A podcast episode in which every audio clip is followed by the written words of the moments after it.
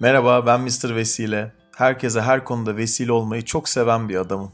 İnsanları mutlu etmekten mutlu olan biriyim. Senelerdir binlerce kişiyle yüz yüze birebir görüşme yaparak onların ilişki hayatlarını konuştuk. Ben bir çöp çatan ve ilişki mentoruyum. Hayatta her şey ilişkilerle ilgili ve bu podcast serimin hayatınızın her alanında tüm ilişki olasılıklarınızı arttırmasını hayal ediyorum. Mr. Vesile Podcast'i hepimize vesile olsun. Hoş geldin Karatay. Merhaba Yunus'cum nasılsın? İyiyim. Bir tık duygulandım. Ee, son erkeğim olduğun için. hayatındaki de. Ha, hayatımdaki son erkek değil ilk erkek olmak isterdim ama herhalde treni kaçırmışım. Valla hayatımdaki son erkek kim olsun dese, deselerdi seni diyebilirdim diyormuşum. çok çok şanslıyım. Ama ben dediğim gibi tekrar söylüyorum ilk olmayı çok isterdim. Ama dediğim gibi kaçırmışım o treni. Bence orta noktayı bulalım. İlk ve son ol sevgili Karatay. Teşekkür ederim Yunus. Sağ olasın. Neden Karatay seçtin rumuzunu? Merak ettim bunu gerçekten. Valla şöyle şey. eskiden hatırlar mısın e, bizim üniversite zamanı Mırç diye bir program vardı. Chat evet. programı. Evet. ICQ'dan ee, biraz önce. Evet ICQ'dan önceydi. O zamanlar e, chat yaparken işte herkesin bir link rumuzu vardı. E, esasen e, Karatay niye seçtiğim hiçbir fikrim yok. Ama kara kısmı Hı-hı. bana uyuyor. Pike ve at kısmı o... bana uymuyor. Ama ne bileyim ikisinin birleşmesinin kulağa e, bıraktığı etki hoşuma gitti. O yüzden seçtim. Sonra araştırdım Karatay ne diye. E, Karatay Konya'nın bir şey ilçesi e, olduğunu öğrendim. Sonradan da değiştirmedim. Yani hoşuma gidiyor Karatay. Gittin mi hiç Konya'ya?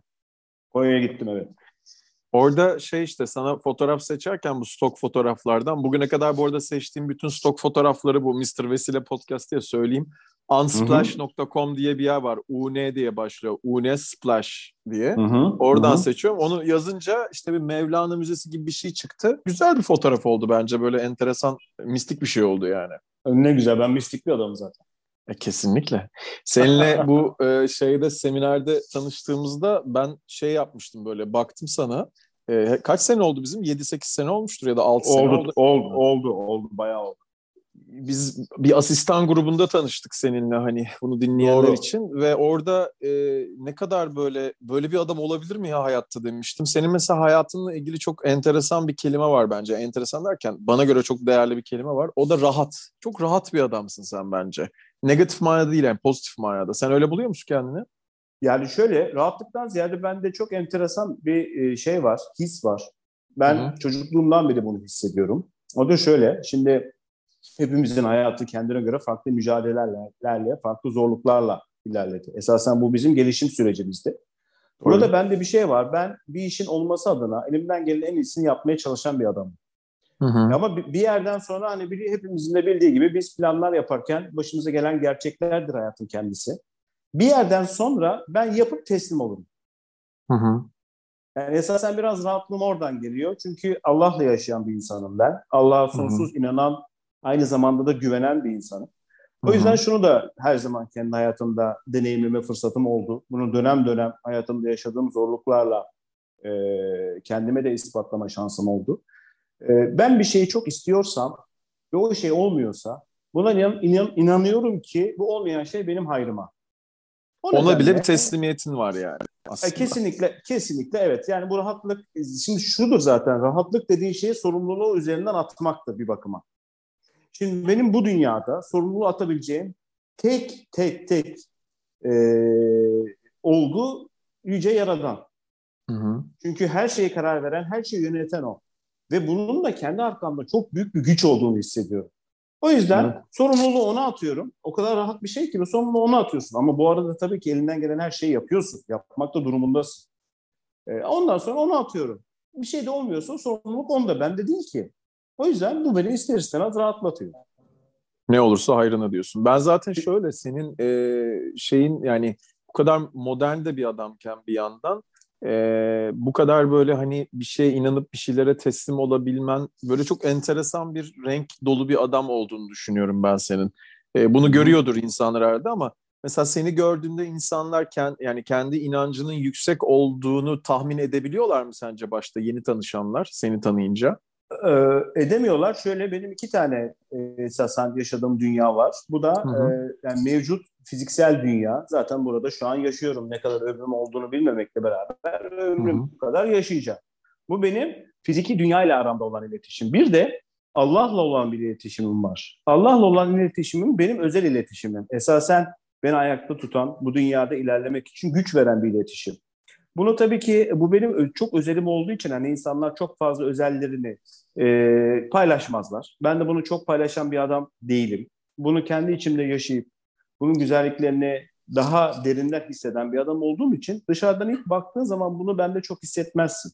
Ama bana yakınlaştıkça, benimle bir şeyleri paylaştıkça esasen o tarafımın bu taraftan çok daha ağır olduğunu hissedebilirsin.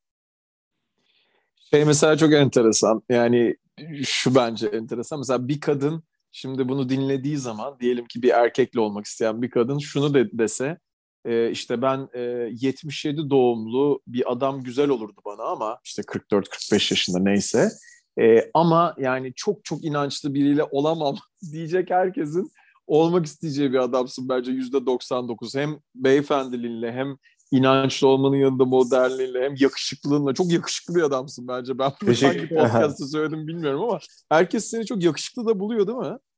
Evet her zaman. Sen buluyor musun her, kendini mesela?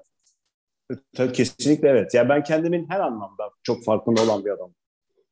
Ben ee... sana şey şeyi diyordum hatırlıyor musun seminerde tanıştığımızda hangi kelimeyi kullanıyordum? Neyim diyordum Sü- sana? Süpermen. Süpermenim diyordum. Aynen Süpermen'e evet, benziyorsun abi yani tam böyle e, laf yedirme adamısın bence. Şunu demeye çalışıyorum. Yani ben böyle biriyle olamam diyecek birisi seninle tanışsa aslında böyle biriyle de olabiliyormuşum diyeceğin birçok özelliğin var bence senin. Yani mesela iki tane çocuğun var. Yani iki evet. çocuklu biriyle olamam diyecek birisinin e, çok yüksek ihtimalle seninle tanışsa aslında bu adamla olabilirmişim diyebilecek birisisin bence. Aslında orada şöyle bir şey var. Yani bir insanın bence hayatında yapacağı bir seçimde yani bu iş olsun, ilişki olsun, arkadaşlık olsun, her ne olursa olsun baştan ben bu bu bu bu şeyle bir insan olamam demek bence tamamen bir ön yargı. Evet. Ve insanın insanın kendini tamamen sınırlandırması. Hatta yani, onu söylediği zaman onun tersiyle sınanıyor olacak olması aslında bir yandan da. Tabii ki yani sonuçta e, hayat zaten öyle şekilde devam ediyor. Biz ders almadıkça o süreç devam ediyor. Biz ders alana kadar. O nedenle bence bu bir ön yargı. Evet e, maalesef hepimizde ben de dahil olmak üzere ön yargılar var. Ama elimden geldiği kadar, kendimi geliştirdiğim kadar ön yargılardan kurtulmaya çalışıyorum.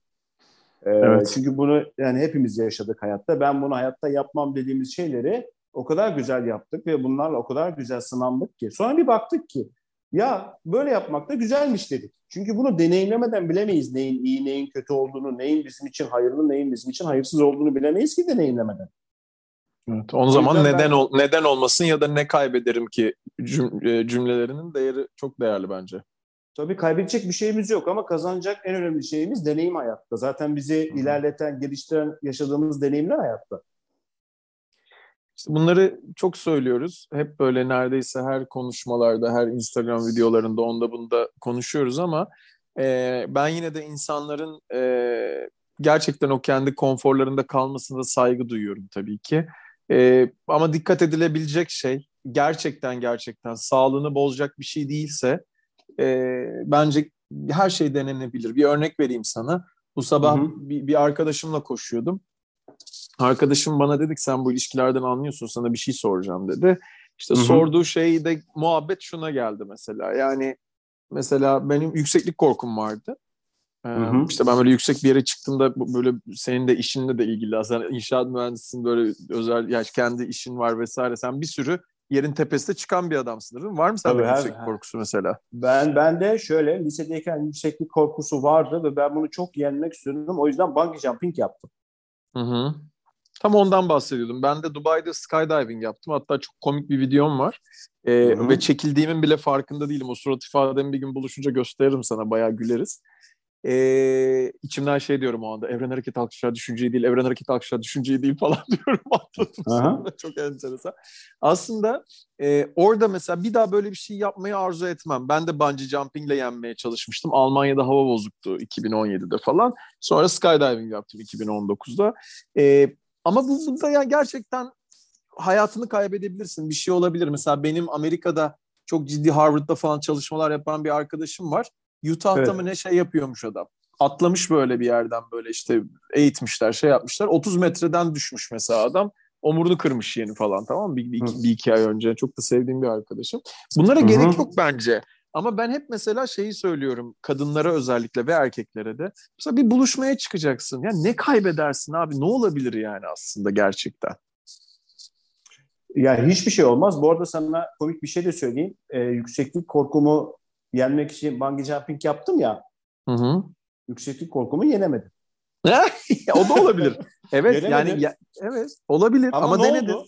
Ama ne oldu? Sana şunu söyleyeyim. Ne oldu? Yükseklik korkumu yenebilme ihtimalimi düşündüm ve bununla ilgili aksiyon aldım. Yükseklik korkumu yenemedim. Şu an ne yapıyorum? Yüksek bir yere çıkmıyorum. Yüksek bir yere yaklaşmıyorum. yani bunu Aynen. Ama şey, denedin en azından işte. Denedim ama olmadı. E tamam demek ki bununla yaşamayı öğrenmem gerekiyormuş. Aynen öyle. Yani bir gün Tabii öyle ki. bir şey olur ki bir daha denemek istersin. Bu sefer yenebilirsin. Büyük ihtimalle yine yenmeyebilirsin denedikten aynen. sonra. Yani aynen. Evet, aynen. aynen. Aynen. Senin şu e, söylediğin kitabı hep ben hatırlatıyorum insanlara. Daha kendim okunmadım ama e, şu Derviş'in Teselli, Teselli koleksiyon çok öneriyorsun değil mi herkese? Efsane bir kitap. Çok öneriyorum. Benim hayatımı değiştiren e, kitaptır. Çok kitap okudum. Yani kişisel gelişim ve felsefeler üzerine. Hmm. Ama e, şimdi bu kitap hani e, reklamında kitabın yapmak istemiyorum ama e, bu kitap Yapabilirsin. normal bu kitap felsefenin, e, dinin ve normal hayatın akışını o kadar güzel sentezlemiş ki. Hı hı. E, yani hayatımızın her noktasında yaşadığımız bir deneyimin felsefenin içinde de inandığımız dinin içinde de olduğunu görüyoruz. Yani o nedenle e, bu kitap beni gerçekten çok etkiledi. Hatta kitabın yazarıyla tanıştım. Uzun Mecit okudum. Ömür Öztürk. Evet, çok da e, muhterem bir insan. O da e, ilahiyatı bitirmiş, üzerine işte felsefe okumuş. Çok böyle yumuşak enerjisi olan, çok naif, inancı gerçekten e, kuvvetli olan bir yazar. Beni çok etkilemişti. Herhalde bugüne kadar kitabı 25 kere okudum. Aynı kitabı. Vay be helal olsun. Evet ve e, sevdiğim birçok arkadaşıma, dostuma kitaba hediye ettim. Ve 26. kez okusam biliyorum ki bambaşka bir kitap okuyacağım. Çünkü ne hani sen güzel. de bilirsin ki, sen de bilirsin ki hani kitap esasen sabit derler ama bence kitap çok değişkendir. Ama değişen kitaptaki değil bizim algı şeklimizdir. Bugün aynı olayı farklı algılıyoruz, yarın başka türlü algılıyoruz. O yüzden gerçekten o kitap benim hayat e, yolumu, hani seninle de e, bir seminerde hayat yolumuzu yazdık ya. Doğru. Hayat amacımızı. E, aynen öyle. E, esasen bu kitap e, benim gerçek hayat yolum. Gerçekten e, bana çok olumlu etkileri oldu. E, kimi arkadaşım önerdim, kimisi bunu çok şey bulmadı. E, adını sen söyle. E, gerçek bulmadı. Ama hı hı. E, şimdi benim zorlu ve e, çok mücadele dolu bir hayatım oldu. Hala da öyle olmaya devam ediyor. Esasen bundan da çok mutluyum ben. İyi ki benim böyle mü- mücadele dolu, zor bir hayatım var. Çünkü e, insanların çok... yetenekleri, kabiliyetleri Hı-hı. zorda kaldığı zaman ortaya çıkıyor. Doğru. Ve benim Hayır, bunu bir de, Hı. bir de özür dilerim böldüysem. E, hayat konfor alanının dışında başlar diye bir cümle var ya life begins at the end of a comfort zone. Yani tam bunu anlatıyorsun bence. Bir de dedin özür dilerim. Yani şöyle bu hani e, konfor alanına geldiğimiz zaman ben e, belki kendi hayatımda yüzlerce konfor alanı yaratmaya çalıştım. Hı-hı. Ama hala bunu başarabilmiş değilim. Çünkü ben bir şeyleri yaratmaya başladıkça konfor alanıma bu alan değişiyor. O yüzden de ben konfor alanından ziyade başıma gelenlerle konfor yaşamayı seçmek durumunda kaldım. Hayatım bana gösterdikleriyle. Yani Bundan konforsuz dolayı... olanları konfora dönüştürmeye çalıştığına en azından. Esasen konforsuz, konforlu olanı. Konforsuz olduğunu düşünmüyorum ki. Yani şimdi hmm. e, bu tamamen bir bakış açısı. Yani bugün Doğru. konforsuz gibi gördüğün şey senin için gerçekten bir konfor alanı yaratmış olabiliyor. Bunu hangi zaman dilimi içerisinde değerlendirdiğin çok alakalı. Yani bugün yaşadığın bir olumsuzluğun, atıyorum sen sabah işe geliyorsun kaza yaptın diyelim ki ve toplantına geç kaldın. Belki evet. toplantıya gitseydin o gün o toplantı senin için çok olumsuz geçecekti. Belki de orada kaza yaparak sen bu olumsuz toplantıyı bir sonraki zamanda olumlu hale geçirebiliyorsun. Bunun için tek ihtiyacımız olan şey ne? Bence sabır. Bu sabrı göstermemiz lazım. Ve kabul. ve teslimiyet ve rahatlık. Teslimiyet. Aynen. Bu işte rahatlık dediğim şey hem rahat olan hem de insanları rahatlatan da bir tarzın var. Bu benim için çok değerli. Yani örnek veriyorum. Çok sağ ol. Ee, ben e, seninle her zaman geçirdiğimde hayatımda e, çok böyle sıkıcı bir şey olacak olsa veya stresli bir şey olacak olsa e, senin o rahatlığın bana da çok sirayet ediyor. Bence bu çok değerli bir şey. Bunu daha önce hiç söylemedim sana. Bilmiyorum söyleyen oldu mu ama e, ve farkında mısın onu da merak ediyorum. Yani etrafındakileri rahatlatabildiğinin farkında mısın? Onun için kızların çok şanslı. O güzel ilişkin olan kızların bence. Yani tabii şimdi şu var. E, bunu söyleyen oldu. Ayrıca bunu senden duymak da ayrıca beni gururlandırdı. Çok teşekkür ediyorum sana.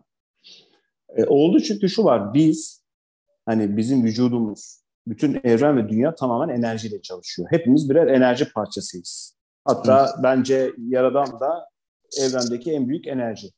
Ve bizler birbirimizi esasen fiziksel güzelliğimizle değil, enerjimizle algılıyoruz.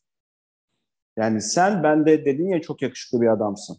Esasen Öylesin ben ha. çok yakışıklı bir adam değilim. Sen beni yakışıklı algılıyorsun. Öyle bir enerjim var. Doğru. O, neden, doğru. o nedenle senin yanında enerjisi seni rahatlatan bir insan olduğu zaman sen kendi enerji frekansını o insana uyumlandırıyorsun. Ve otomatikman o rahatlığa erişiyorsun. Şimdi bununla ilgili Einstein'ın fiziksel bir teoremi var. Bilmiyorum seninle hiç bunu konuştuk ama Einstein şunu diyor. Hayatta diyor her şey bir enerjidir diyor. Ve her enerjinin bir frekansı vardır diyor. Örneğin diyor zenginlik diyor. Zenginliğin diyor bir diyor enerjisi vardır diyor. O enerjinin bir frekansı vardır diyor. evet. Siz diyor kendi enerjinizi diyor o frekansa uyumlarsanız diyor artık o diyor sizin gerçeğinizdir diyor. Çünkü Kesinlikle. önemli olan senin neye sahip olduğun değil, sahip olduğunu nasıl algıladığın. Çünkü hepimiz algıdan ibaretiz. Kesinlikle. Bak mesela şu anda baktım Euro 15.72, dolar 13.92 Türk lirasına göre. Şimdi e, biz Berlin'e gittik 3 hafta önce falan. Hı hı, ee, fotoğraflarınızı gördüm. 3 hafta önce. Ha, o zaman işte Euro diyelim ki 11'di. Tamam mı? Şimdi o günün şartlarında aslında nasıl yaşadık biz orada?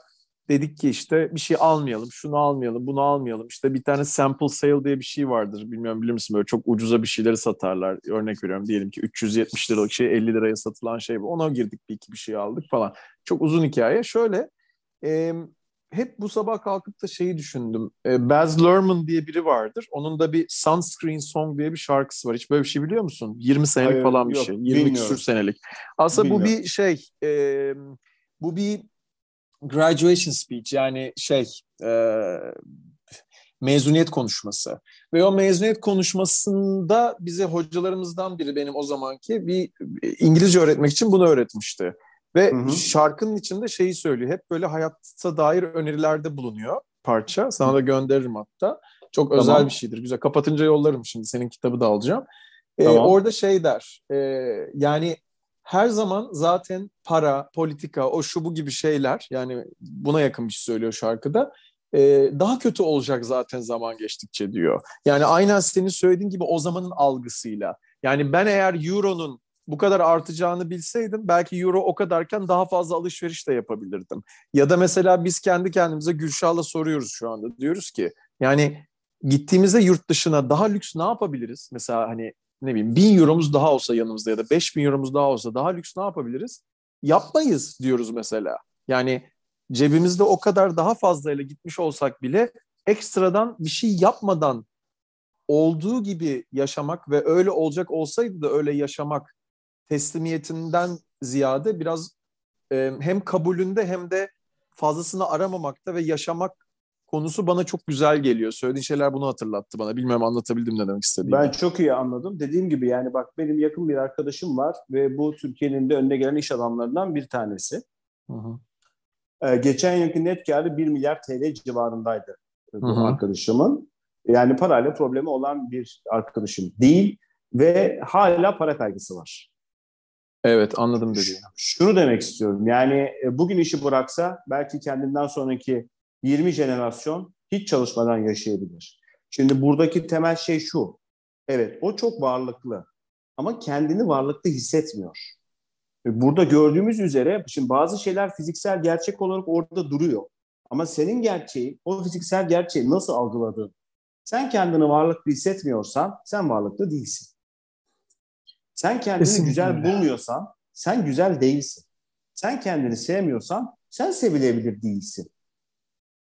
Evet. Önce, öncelikle kendinde olan o değeri öyle hissetmen gerekiyor bence. O zaman sen hayatta bir şeyler aşabiliyorsun. Şimdi bin euron daha fazla olsaydı daha fazla şey alırdın. Ama bunun senin hayatında hiçbir katkısı yok. Sadece o an evet bunu aldım diyecektin, eve gelecektin, normal hayatına devam edecektin. Kesinlikle. Yani fark eden bir şey yok hayatımızda. Şimdi bir yerden sonra da yapabileceklerimiz sınırlı. Sadece ya. biz kendi hayatımızı algımızı değiştirerek zenginleştirebiliyoruz veya fakirleştirebiliyoruz. Bahsettiğim örnekte düşün. Çok varlıklı bir insan var fakat kendini varlıklı hissetmiyor. E bu insan şimdi varlıklı mı? Kesinlikle değil. Çünkü hissettiği şey öyle değil, algısı öyle değil. Bugün sabah çıkmış bir balıkçı, sabah e, balığa çıkmış bir balıkçı çok daha e, nasıl diyeyim varlıklı veya varlıklı demeyeyim ama çok daha mutlu, keyifli hissediyor olabilir ona göre belki. Tartış, e, kesinlikle öyle öyle olabilir tabii ki. Dediğim gibi bence hayatta hayatta her şeyimiz algı. Zaten iş, iş hayatı da öyle değil midir? İş hayatı algı yönetmektir. Şey cümlesini çok seviyorum buna benzer bir yerden. İşte mesela insanlar Türkiye'de çok şey diyor ya bir şey olduğunda başka bir şey isteseymişim. O da bir algı mesela. Yani bir sınırı yok ki aslında senin olabileceklerin. Bir de isteseymişim ee, başka bir şey diyorsun da istediğin şey gerçekleştirdiği zaman bu sana ne kadar uyumlu? Bunu da bilmiyorsun. Çok derin konular ki. bunlar. Çok önemli, evet. değerli konular bence. Biz seninle podcast dışında da bunları arada konuşursak çok mutlu olurum. ben de çok mutlu olurum ama dediğim gibi benim hayatımın gerçeği o. Yani e, evet fiziksel dünyada yaşıyorum. Burada her şeyde benim açımdan gayet güzel gidiyor. E, güzel gitmesinin temel sebeplerinden bir tanesi de beklentilerimi düşürmüş olmam.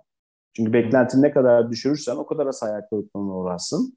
Ne kadar az hayal kırıklığına uğrarsan da kaygı ve endişe işin o kadar düşük olur. Bu tamamen senin beklentin. Aynen öyle. Ee, o nedenle ben de e, bu dünya keyif yaşamaya geldim. E, elimden geldiği kadar da buna e, algılarımla hizmet edeceğim. Yani kendime çizdiğim esasen hayat yolu bu. Çok güzel söyledin. Benim birkaç tane ekstra sorum vardı. Hepsini sormayacağım. Sana bir sürü yolladım. Sen o kadar tabii akıştasın ki bu konularda. Hepsini sor istiyorsan modundaydın. Bunu çok söyle bunu çok söyleyen olmadı bu arada. Şunu şunu şunu sorma, şunu sor falan diye çok oldu bugüne kadar. Ben sana kendim seçeyim bir iki tanesini. Önce şundan başlayacağım. Ee, ya da üç dört tanesini sorarım sonra da zaten kapatırız bu sohbeti. Ne yaptım da kendini cap canlı hissediyorsun? Başıma gelen problemleri çözdüğüm zaman. Mesela bir tane örnek verir misin? Ee, mesela yani iş hayatında örneğin başıma gelen bir davayı birçok insan kaybedersin demesine rağmen bunlarca gecelerce gündüzlerle uğraşıp sayfalarca doküman hazırlayıp da birçok insanın e, bu davayı kaybedersin deyip de kazandığım zaman mesela. Güzel. Peki başka bir soru soruyorum. Bu Hı-hı. dünyada seni en çok seven kim sence? Kendim. Kendin kendini mi en çok seviyorsun? Evet. Beklemediğim cevabı. Senin en çok sevdiğin kim? Kendim. Çocukla, çocuklarım. Ön, önce kendim. kendim değil. Önce kendim sonra çocuklarım. Çok güzel. Peki başka bir soru efendim. Bir, sağ, bir daha asla yapmak zorunda kalmayacağını sevindiğin şey nedir? Bir daha asla yapmak zorunda kalmayacağımı sevindiğim. Yani bunu e, çok cevaplayamayacağım. Çünkü bu konuda Hı. bir fikrim yok. Hı-hı. Bir daha asla yapmak zorunda kalmayacağım diye bir şey bence nasıl mümkün olabilir kendi hayatımda bilemiyorum. Ee, belki de asla Şöyle olur mesela 30 şey... yaşında olmak zorunda olmayacağım bir daha gibi bir şey olabilir mesela. Ama zaten hani zorunda olmamak değil ki o teknik olarak ger yani gerçekleşemeyecek bir şey. Ama ben sana Doğru şöyle bir şey söyleyeyim bak. 30 yaşında olmak ister miydin dersen sana vereceğim cevap hayır. Neden diyeceksin? Ben hayatımın en güzel zamanlarını 40'tan sonra yaşamaya başladım. Niye diyeceksin? Hı-hı. Demeyeceksen de ben sana söyleyeyim. Niye? Çünkü çünkü şöyle 30 yaşında karnım doysun diye yemek yiyordum. Şu an lezzet almak için yemek yiyorum. Çok güzel. O zaman bir benim, soruya geç. Söyle devam et. Benim. Ya benim için o yüzden hani geçmişte daha genç olsa mıydı? Zaten şu an kendimi genç hissediyorum. Yani 30 yaşından şu an bir fiziksel olarak bir farkım yok. Ama mental olarak çok daha fazla farkım var. Çünkü şu an yaşadığım hayatı, soluduğum havayı bile daha güzel soluyorum. Daha farkında olarak soluyorum. O yüzden bu benim için çok daha kıymetli. Yemeklerle ilgili bir sorun vardı da direkt ona dalacaktım değil mi? Dünya Dal çapında bir şef gibi hangi yemekleri pişirmeyi dilersin? Yani ne yapsan şef, ya işte dünya çapında bir şef ayarında hangi yemekleri yapmak istersin onu soruyorum. Yani Deniz ne mahsulü- yapmak isterdin? Deniz mahsulleri Deniz mahsulü. mesela. Çok seviyorum çünkü deniz mahsullerini. O zaman ben seni bir gün şeye götüreyim. Ee, bizim bu Odur'la kuzen ya bahsetmişimdir sana. Biliyor musun onu? Hep söylüyor. Yok. Gurur duyduğum için. Biliyorsun biliyor musun o restoranı Urla'da? Ha, Odu diyorsun. Ha o, o kuzenim Evet benim. evet. Amcaoğlu. Öyle mi? Çok Evet, çok evet. herkes çok bahsediyor. Ha, onun içinde Ma Urla açıldı bir de. Ee, Od Hı hı. ateşse Ma deniz ya. Hı hı. Abi gerçekten Ma dünya standardı. İnanılmaz iyi yani. İnanılmaz iyi. Ve seni oraya götürmeyi çok isterim. Belki bir gün atlayıp bir gaza gelip gideriz. Ben sana daha güzel bir şey önereyim mi? Şimdi sen dünya şefinde bir şey, dünya çapında bir şef olmak istersen ne yapmaya ister diye sordun ya. Hı hı. Ben dünya şefinde çapında bir şef değilim ama kendi çapında bir şefim. O yüzden bir akşam ben Gülşah'la seni eve davet edeyim ve ben size deniz mahsulleri yapayım. Tamam olur çok güzel. Hala şeydesin değil mi? Karşıda aynı yerdesin değil mi? Aynen aynen aynı yerde. Tamam harika. Son bir soru soracağım o zaman sana. Ee, cevabı da tahmin ediyorum bütün bu konuşmalardan sonra ama hayatın amacını gerçek tutkunu bulduğunu düşünüyor musun? Henüz değil. Evet öyle diyeceğini tahmin ediyordum. Bunun böyle çok ee, senin için ee, benim tahminim dışarıdan bakan arkadaşın olarak Hı hı. ee, bu konuda kendini tatmin eden ve artık budur diyeceğin bir cevap hiç bulmayabilirsin gibi hayatında gibi duruyor bana göre. Ki iyi, Zaten iyi bir şey olabilir bu senin için. Aa, zaten şöyle e, ben şuna inanıyorum. Hani bugüne kadar gelmiş geçmiş hani derviş dediğimiz, evliya dediğimiz e, birçok kendini arayışa adamış insanların bile hani e, okuduklarımdan tabii buna e, vakıfım. E, hayatlarını sadece bulmaya adamışlar ve hı. bulamadan bu dünyayı terk etmişler. O yüzden hani ben bugün evet buldum dersem yarın algım değişir. Bugün bulduğumu yarın bulmamış gibi hissedebilirim. O nedenle e, bir şeyi bulmak değil, benim için güzel olan bir şeyi ara, aramak. Ben hayatımın sonuna kadar arayışta olabilecek bir insanım ve buna da Hı yılmadan, usanmadan devam edeceğim. Süpersin. Gönlüne sağlık. Hepimiz. Ee, kapatmadan şeyi söylüyorum. Birisi bu kaydı dinledikten sonra işte senin gibi bir adamı tanımak için, seninle iş yapmak için ne istiyorlarsa, tanışmak isterlerse bizim şey var. mrvesile mrvesile.com'dan bize mail atabiliyorlar. Sen bunu Hı hı. çok bilmiyorsun, çok söylemedim. O Yok. maildeki yazan kişinin kim olduğunu sen biliyorsun ama o seni bilmiyor kim olduğunu. Ama ben seninle tanışmak isterim diyor. Sen de istiyorsan yazıyorsun o kişiye. Böyle bir oyunlu bir şey de var. Hı hı. 3-5 tane mail alırsan haftaya şaşırma yani. tamam mı? İş, iş yapmaya her zaman açıyor. Süpersin. Harika. Çok güzel bir cevap. Teşekkür ederim benimle paylaştığın için bunu. Ben de teşekkür ederim Yunus'cuğum. Seninle, Ee, söyle pardon. seninle sohbet etmek, seninle fikir alışverişinde bulunmak her zaman beni mutlu etti. Şu anda olduğu gibi. Teşekkür ederim. Gönlüne sağlık. Ee, aklındasın, kalbindesin. Bence bu, bu ay bir görüşürüz sana da uygun olursa. Ben atlar olmadı yanına gelirim tamam mı? Çok mutlu olurum. Seni de özledim. Bayağı zamandır göremedim. Ben de öpüyorum yanacıklarından. Çok teşekkür ettim.